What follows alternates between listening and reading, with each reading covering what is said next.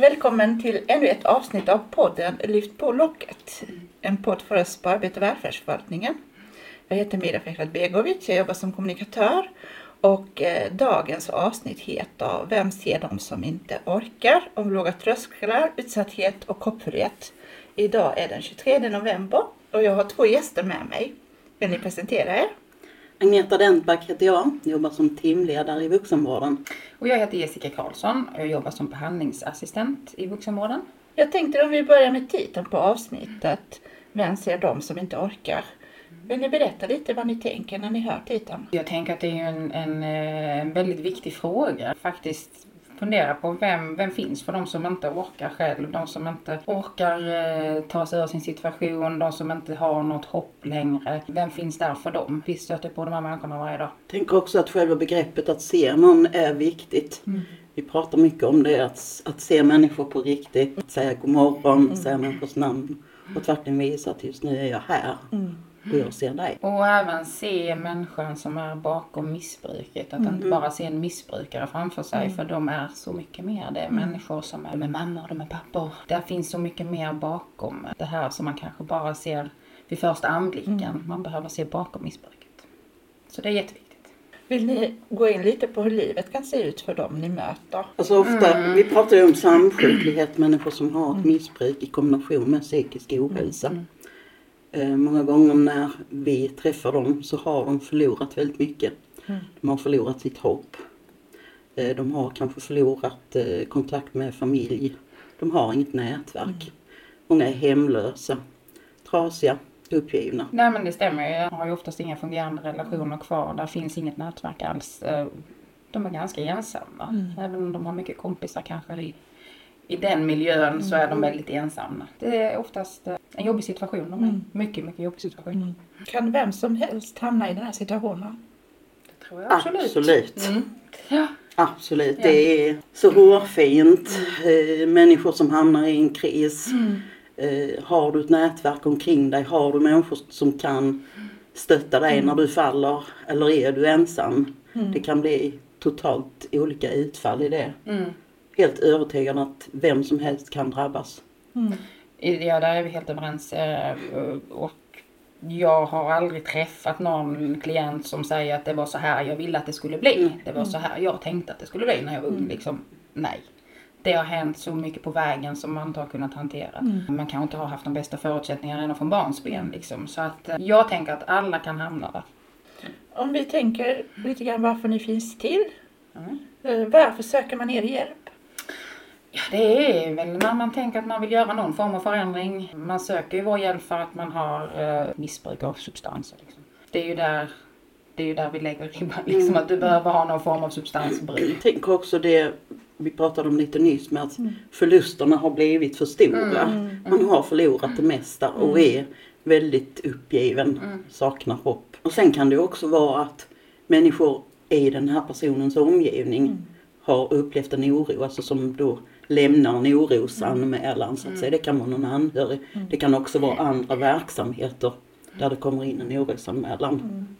Och hur ser ett möte ut? Ja, eh, det, det, finns ju väldigt många olika former av möte. Mm. Eh, det kan ju vara ett, ett enskilt möte med klienten där man sitter i rummet och har djupa samtal. Det kan finnas eh, möten med handläggare där man kanske göra någon form av planering mm. runt klienten. Det finns möte tillsammans med psykiatrin som kallas SIP-möte. Det finns nätverksmöte och det är ju oftast mer med mm. ganska övergripande. Man gör planering för klienten. Hur ska det se ut? Man kan ju även ha olika behandlingar, alltså samsjuklighetsbehandling individuellt med en klient, en återfallsprevention. Så det finns många olika sorters möten. Nämnde vi någonting om vad ni arbetar med?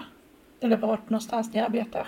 Men det gjorde vi inte. Nej. Jag är då teamledare på våra två boenden. 123an och Trappan. Och sen även vår öppenvård som har sina lokaler på Gamla Norrport centralt mm. i stan. Mm. Så där rör jag mig emellan så att säga. Mm. Vem är det som bor på 123 och Trappan? Det är just de personer vi beskriver mm. som det ser ut i dagsläget. Det finns 11 lägenheter på trappan.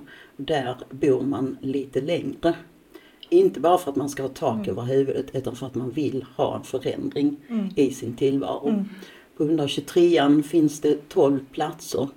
Eh, där delar man, man har varsitt rum men man delar kök och duschutrymme och hall.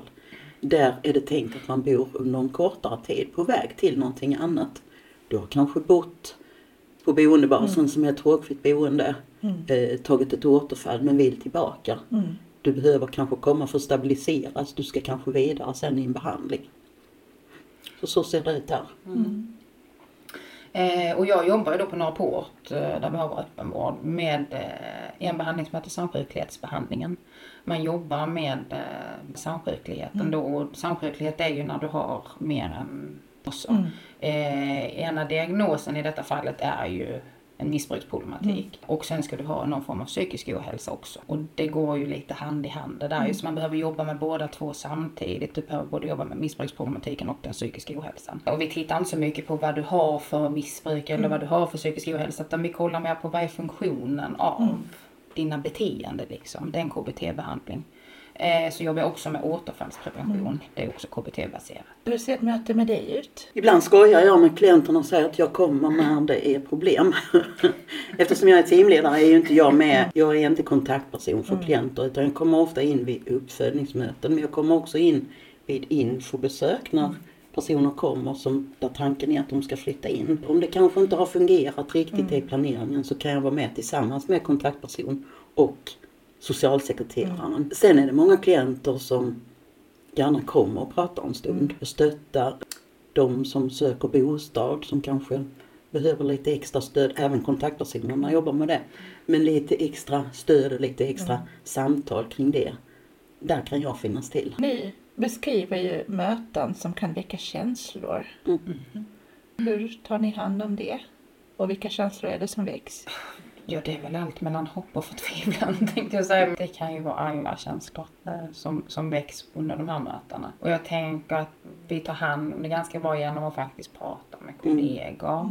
Vi använder vår handledning och pratar där. Ehm, att man försöker liksom att få ett stöd och, och bolla. För att eh, vissa saker är ganska svåra att hantera själv. Eh, och det väcker ju såklart känslor väldigt mycket.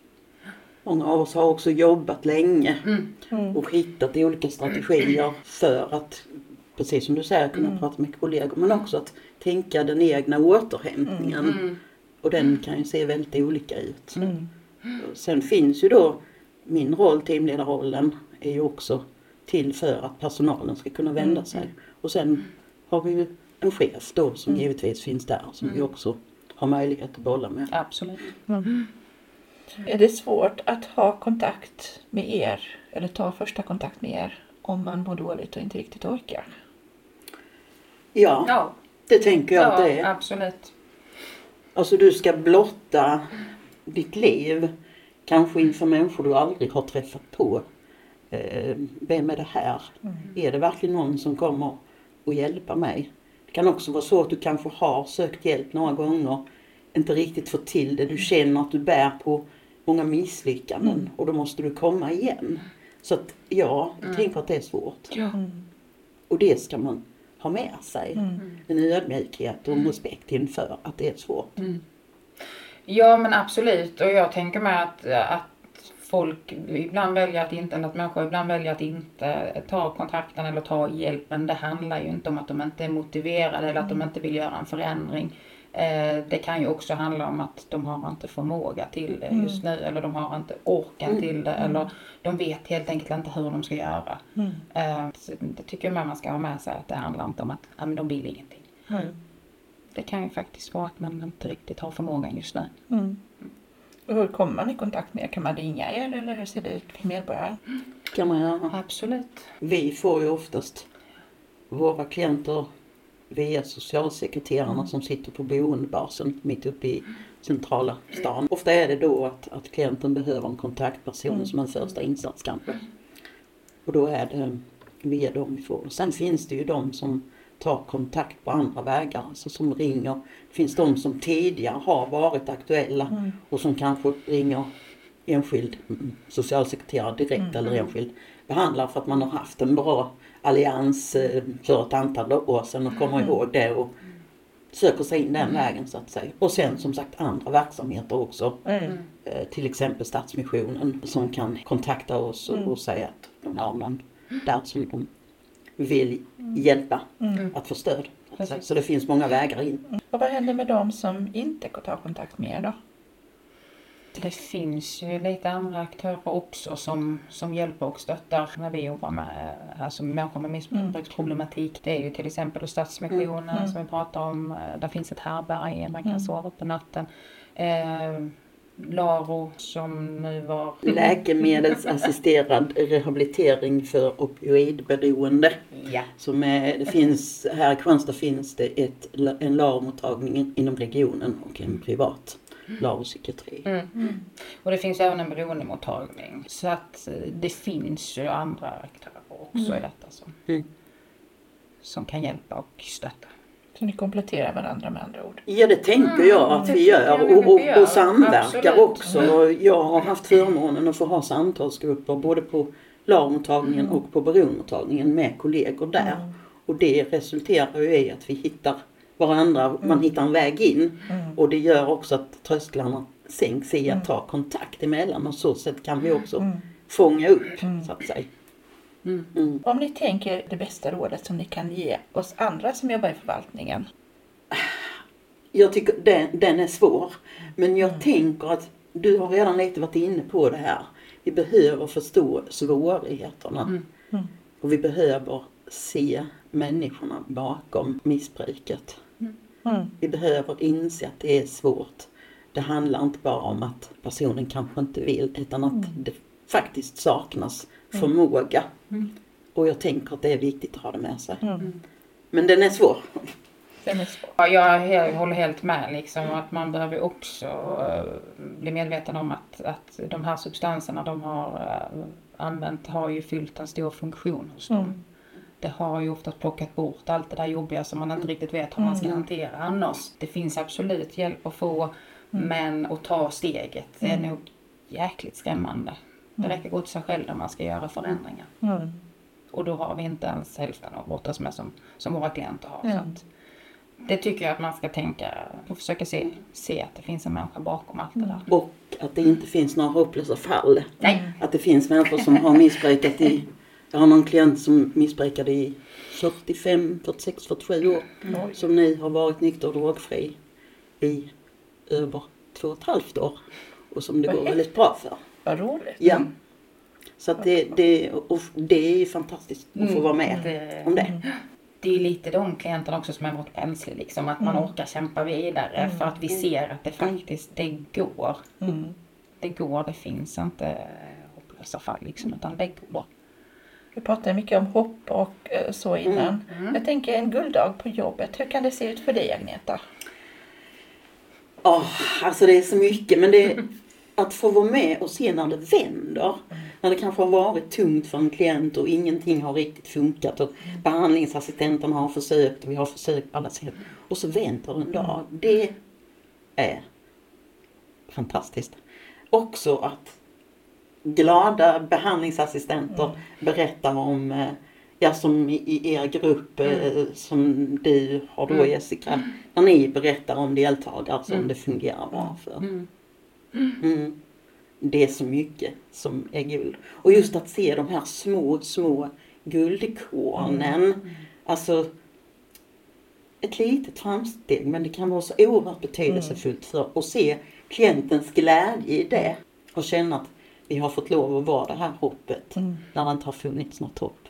När inte den klienten har orkat ha något hopp själv. Mm. Och för dig Jessica?